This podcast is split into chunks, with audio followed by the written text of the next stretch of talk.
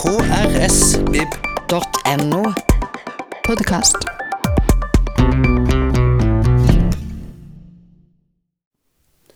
Da er det klassikerklubb igjen. Eh, nå er det en lokal og nasjonal eh, helt som er emnet. Miriam, hvem er det vi skal snakke om? Vi har lest Henrik Wergelands Jan van Høysoms blomsterstykke. Lest og lest, kan man kanskje si. Vi har prøvd å lese Wergelands Et blomsterstykke. Ja, for det er et ganske Det er ikke det letteste språket, etter hva jeg har sett. Språket er vel veldig sånn eh, jeg hadde på å si, intrikat, eller ja og Litt vanskelig å forstå seg på. Det er et intrikat, uh, gammelmodig språk. Mm. Og så kan vi vel også si at uh, liksom assosiasjonsrekkene og um, altså metaforene som blir brukt, og symbolene, er også litt um, kanskje vanskelig å gripe. Det står ikke helt sånn tydelig og klart for deg at dette betyr det. Mm. Uh, så det er ganske mye tolkning som skal til for å på en måte komme fram til den derre uh, betydninga i, Altså, i hvert uh, vers, da. Det er noen ting du må liksom gå litt i dybden på. Ja, jeg tror man trenger egentlig en sånn guide inn til Wergeland. Mm. Så vi har jo prøvd å guide oss inn via kunsten, da. Så det er egentlig mest det som denne klassikerklubben kom til å handle om. Var jo nettopp Jan van Hoysom og den nederlandske um, malerkunsten. Som Henrik Wergeland da er inspirert av når han skriver sitt blomsterstykke.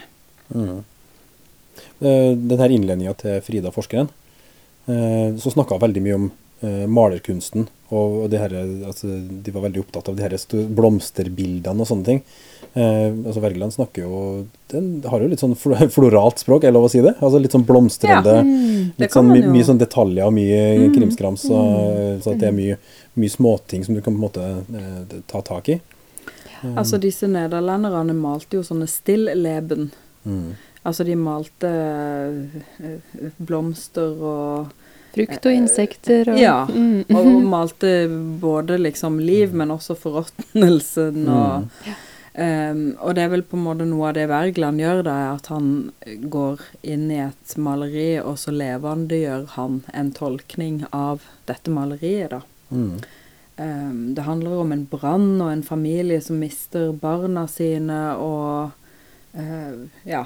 Det er faktisk litt vanskelig å Veldig sånn tragisk bakteppe, liksom. Det er veldig tragisk, og så er det, er det vanskelig å få fatt på eh, selve handlinga, men noe av det som gjør det uh, spennende, er jo den der forbindelsen da mellom denne norske, dette norske episke diktet og den nederlandske malerkunsten. Mm. Det var jo kanskje det vi grep mest fatt i, da. Ja. Vi hadde ikke så, så mange ting å gripe fatt i kanskje på selve teksten til Wergeland, da. Mm. Eh, mens vi liksom grep fatt i mm, den nederlandske malerkunsten. Wergeland er jo plassert i romantikken, og det ser man jo egentlig ganske tydelig i det diktet, fordi, altså sånn med besjeling av naturen og sånn, fordi eh, de barna som dør, da, han, faren, han ser jo dem etterpå som barna sine, på en måte. Mm. Eh, Ja, blomstene er, Ja. bare, er symboler på barna hans. Ja, ikke sant? eller eh, kanskje ikke egentlig nesten symbol engang. Det er nærmest som om de på en måte forvandles ja. ja, til barna hans. Og så, ja, så han får liksom en ny familie i de blomstene, da. Men det er jo i hvert fall veldig typisk for romantikken, da, at, um, at ting blir besjelet. Det er jo litt Mm. interessant altså, at det, de bildene var malt et par hundre år tidligere. Altså at det er 100-150 år før Wergeland levde. Mm. Og så har han tatt noen ting som var malt som var dødt, og gjort og så ja, besjela ikke sant? Sånn, som en veldig sånn romantisk idé. Så du har mye sånn kulturhistorie som ligger i det også. ikke sant? Det var malt med én intensjon, men så har det fått en annen mening med det diktet igjen. Mm. Så det blir en sånn ekstra dimensjon på Det høres utrolig spennende ut, egentlig. Ja. Ja, så vi har jo prøvd i den eh, serien vi hadde nå med Klassikerklubben um, høsten 2019, eh, å ta tak i eh, både kunst og litteratur, men som har hengt ganske sånn tett sammen, da, kan man si. Så eh, dette her Wergelands eh, blomsterstykke hadde jo ikke på en måte eksistert uten det maleriet som Mhm. forelegg, da. Mm. Eh, og det hang visst i København, tror jeg, eh, da Wergeland så det. Eh, ikke sant? Han har jo også gjort en reise dit da, og sett dette maleriet, og så Mm. har han tenkt, og så Ja. Så det er liksom en hel sånn liten kulturhistorie da, rundt dette diktet. Det er jo fint å på en måte prøve å sette seg inn i, men jeg tror kanskje akkurat en sånn tekst som denne kunne vi kanskje ha dykka enda litt uh, Ja, mer inn i. absolutt. Mm. Mm. Trengte litt en, noen ekstra runder, da. Det er ikke sånn umiddelbart at du uh, får med deg hele handlinga, da. Nei, ikke sant. Men i den innledninga vi skal høre, så er det Frida, forskeren, som snakker mest om bildene, og det som var inspirasjonskilden og bakgrunnen til eh, det som inspirerte Wergeland til å skrive det her Ja. Og det er jo den nederlandske malerkunsten på det tidspunktet er jo kjempespennende. Mm. Og en stor sånn nasjonal eh, bygging i Nederland. Så det er liksom en helt annen historie enn det. Mm. Selv om også selvfølgelig var jo Wergeland var jo på nasjonsbygginga i Norge. Ja, ja, ikke sant. Ja da. Så vi har jo noen paralleller. Det er sånn europeisk sånn, påvirkning eh, herifra og derifra som smelter sammen. Da. Det er spennende. Vi får høre på. Wergeland skrev jo dette blomsterstykket inspirert av et nederlandsk blomstermaleri. Eh, og på skjermen nå så ser dere en detalj fra et av disse blomsterstykkene som Jan von Husum malte. Og jeg tok bare med en katalog. Jeg hadde bare lyst til å vise Dette er en katalog fra 1953 som viser liksom Jan von Huysums verk. Og da er det jo Jeg syns det var så gøy å, å bla i den, fordi at jeg satt, det var en kollega som også vi satt og så på dette her, og liksom alt er jo blomsterstykker. Altså, de, det er liksom det ene blomsterstykket etter det andre. Og når jeg satt og legg, lagde den powerpointen, så, så merka jeg at jeg satt og klippet inn de samme om igjen. Altså, det, er liksom, det, er liksom, det er jo på en måte det han, det han maler. Og går man nært, sant, så ser man hvor rike de er. Men de har liksom samme komposisjon der. Disse nærbildene av disse blomstene. Og så var det jo et av disse blomsterstykkene som Wergeland så, ble så betatt at han eh, bestemte seg for å dikte.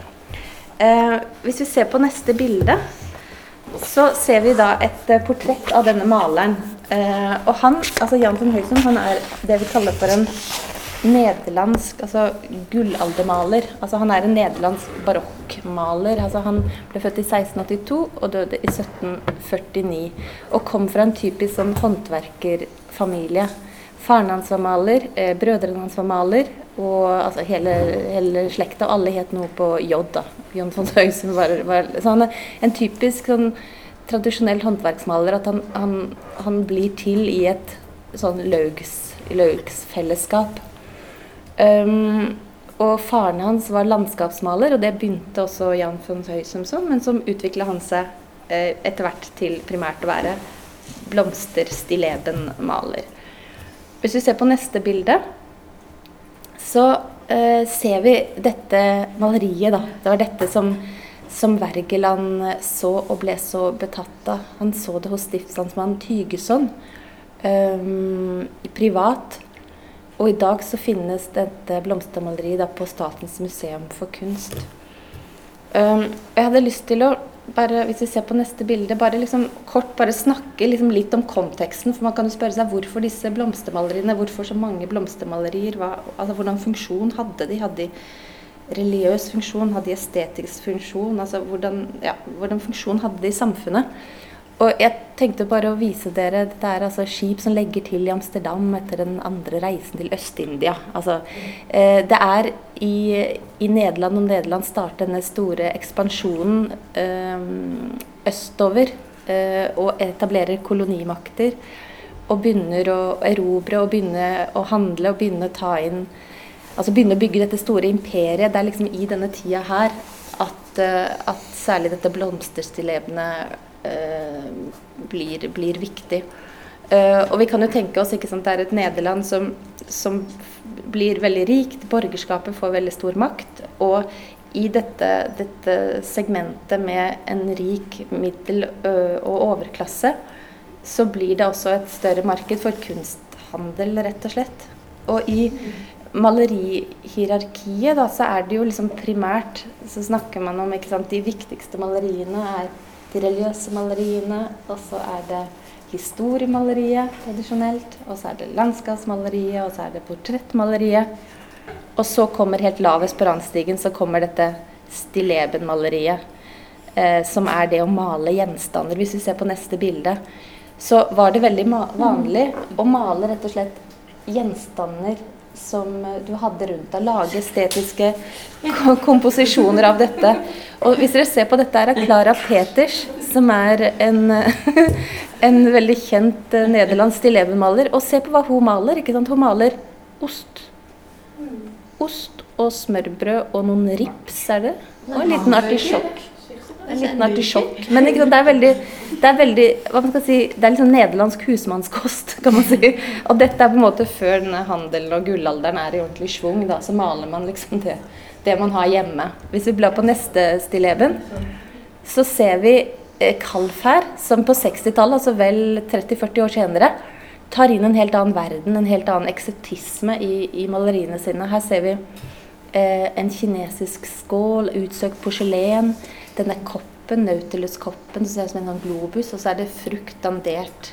Uh, og vi ser det jo litt dårlig, men dere får liksom inntrykk av den der vanvittig lekre teksturen og overflaten som er veldig typisk for barokken. ikke sant, at man det er gjennom det å hva skal si, lage en sanselig og sensuell og taktil overflate at man får kontakt med objektene. Og at, at det er gjennom det liksom, at du, du, ser det, du, ser det, på en måte, du får lyst til å ta på det, du kjenner det. Det er sånn du kommer i berøring med den, de objektene. ikke sant? Og det er her vi kommer til essensen i hva det var også Wergeland fant så tiltrekkende med dette. At det var så levende, at det var så taktilt, at det var så, ah, at det, det var så fint at du bare måtte du kunne kjenne blomstene, duften osv. Eh, ser vi på neste her igjen, så ser vi Dette er bare for å vise liksom den, litt av denne typen sjanger som vi er i. Dette er Abraham van Bayern som maler stilleben med hummer og frukt. Igjen denne liksom sanselige, taktile nærværet. Og så tenkte jeg bare neste også, hvis vi bare ser på det. Så ser vi rett og slett Juran van Strekk her, som maler stilleben med maurer og porselensfat. Så her har man også inkorporert liksom tjenerskapet inn som en del av stillebenmaleriet.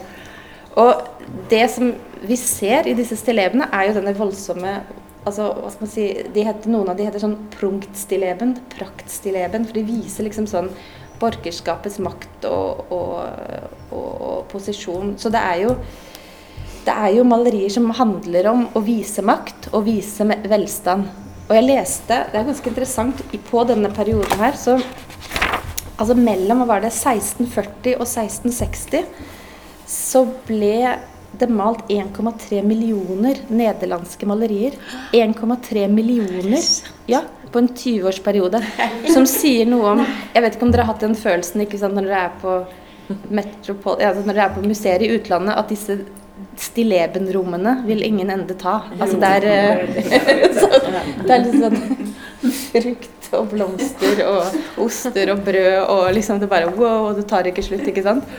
Og det er fordi de malte så utrolig mye. Og det sier noe om liksom etterspørselen i kunstmarkedet. Det sier noe om etterspørselen av, det, av dette er ting man hadde. De, de, rike hadde dette på veggene sine for å vise, eh, ja, vise makt og, og velstand. Og det var lave priser og veldig veldig stor etterspørsel. Og det er inn i dette markedet at Jan von Høysum da maler sine blomstermalerier.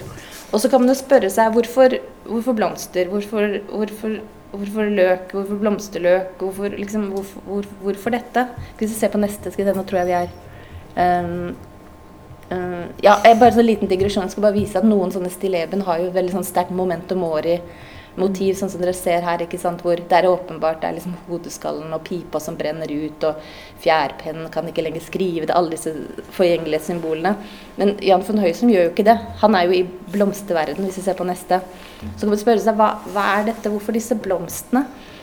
Og sånn som jeg forstår, så er det det er noen som har prøvd å liksom snakke om at ja, de symbolene skal ha visse sånn konnotasjoner til mytologi og til religion og sånn, men først og fremst så er det det er liksom tulipanløken og disse, disse, plantene, løkene fra Østen, fra fremmede land, fra Sør-Amerika. Så det var kjempestor eksport av disse fremmede blomstene. Og det å dyrke det, ha det i hagene sine, og da også male, det var et tegn på at du var en del av denne ja, denne rike kulturen. Og jeg ble veldig sånn sjokkert når jeg leste et sted at en sånn tulipanblomsterløk i Amsterdam kunne være like mye verdt som et helt hus langs kanalen i Amsterdam. Det leste jeg tre eller fire steder. Det må jo, en, ja, det må jo virkelig være sant. Så det sier noe om hvor, hvor, hvor dyrebare disse, disse, løkene eh, det var stor svartebørshandel. altså Det var en, virkelig en, en handelsvare å få de fineste løkene og de med størst, altså de med størst mulig spill, størst mulig sjatteringer. Så det Jan von Høysum tar, er jo liksom å ta det mest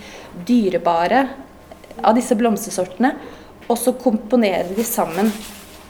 Eh, jeg skal bare vise dere den, bare på den plansjen her jeg fikk ikke tatt bilde av det, men dette er jo et av blomstermaleriene. Så, så ser dere her på siden så har eh, forfatteren da tegnet et sånt omriss av de forskjellige blomstene som er representert i et sånn i et vanlig blomsterstilleben. Og det er liksom sånn utrolig sånn artsmangfold. ikke sant, Fra sånn opiumvalmue, kålrose, forglemmer jeg, eh, dvergemorning glory Altså det er liksom på en måte sånn 30 forskjellige blomster. Og det å samle de altså det, er jo, det, er jo ut, det er uttrykk for en sånn veldig stor interesse for ja, botanikk, botanikk, da, artsmangfold. Og det å samle de og, og få de til å, å, fremstå på denne kunstferdige måten. Vi ser på neste også. tenker bare sånn, se på, For det han gjør, er jo å komponere utrolig sånn stringent. da, Alle maleriene til Jan von Høysum eh, består jo av en vase av blomster som er plassert oppi der. det er liksom det. Og så står de på et bord. Men komposisjonen da er jo sammensatt liksom av her sånne overmode pioner.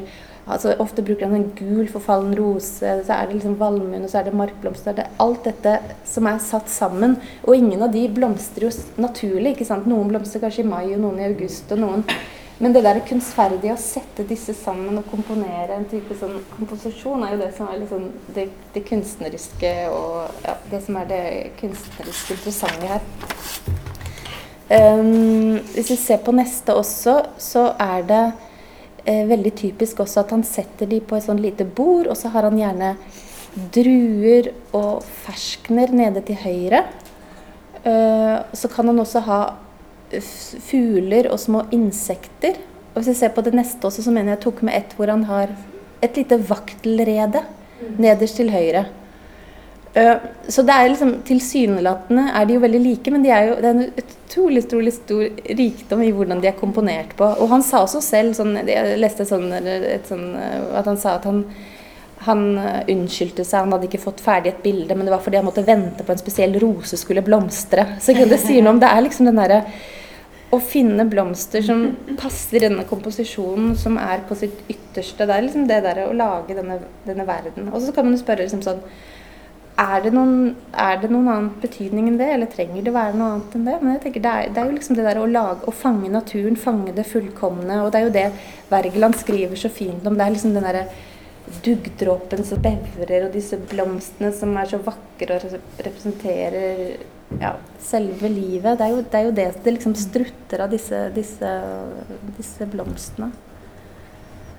Um, og så Det han er kjent for, du kan si at Jan von Høysom er jo ikke en sånn veldig det, Han er ikke den mest kjente av disse blomstermalene. Det er jo Jan von Brøygel som på en måte starter denne trenden på begynnelsen av 1600-tallet. Men det Jan von Høysom er kjent for, er at han ofte introduserer en lysere bakgrunn. Ikke så veldig mørk, men en lysere bakgrunn. Og særlig på slutten, altså begynnelsen av 1700-tallet så blir komposisjonen hans liksom enda mer sånn overdådig og, og, og fruktig og blomstrende. Og som man, man, gjerne trekker inn i en mer sånn rokokko-fase. At de er, bare, de er veldig sånn sanselige, veldig lette og liksom sånn. det, det er det som er hans kjennetegn. Dette, dette, denne lyse bakgrunnen mm. og disse veldig sånn prangende, fruktige blomstene. Jeg tror ikke jeg skal si så veldig mye mer om han. Altså jeg tenker, det, det, jeg syns var gøy som kunsthistoriker bare, Jeg syns det var veldig gøy å lese hvordan Wergeland trekker inn disse kunsthistoriske betraktningene i det første kapitlet. Som er jo veldig sånn klassisk for den, den, den, tradisjonelle kunsthistorien. Hvordan du plasserer kunstneren som et sånn alt, alt uh, overskyggende geni som, som, ser, og som uh, hele livet har tatt denne visjonen. Det er veldig fascinerende at han tar, dis, tar, denne kunsthistorien inn som en del av teksten. da.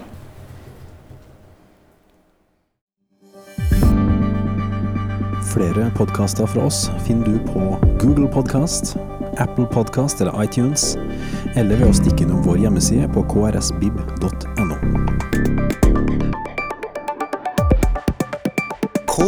krsbib.no. Podkast.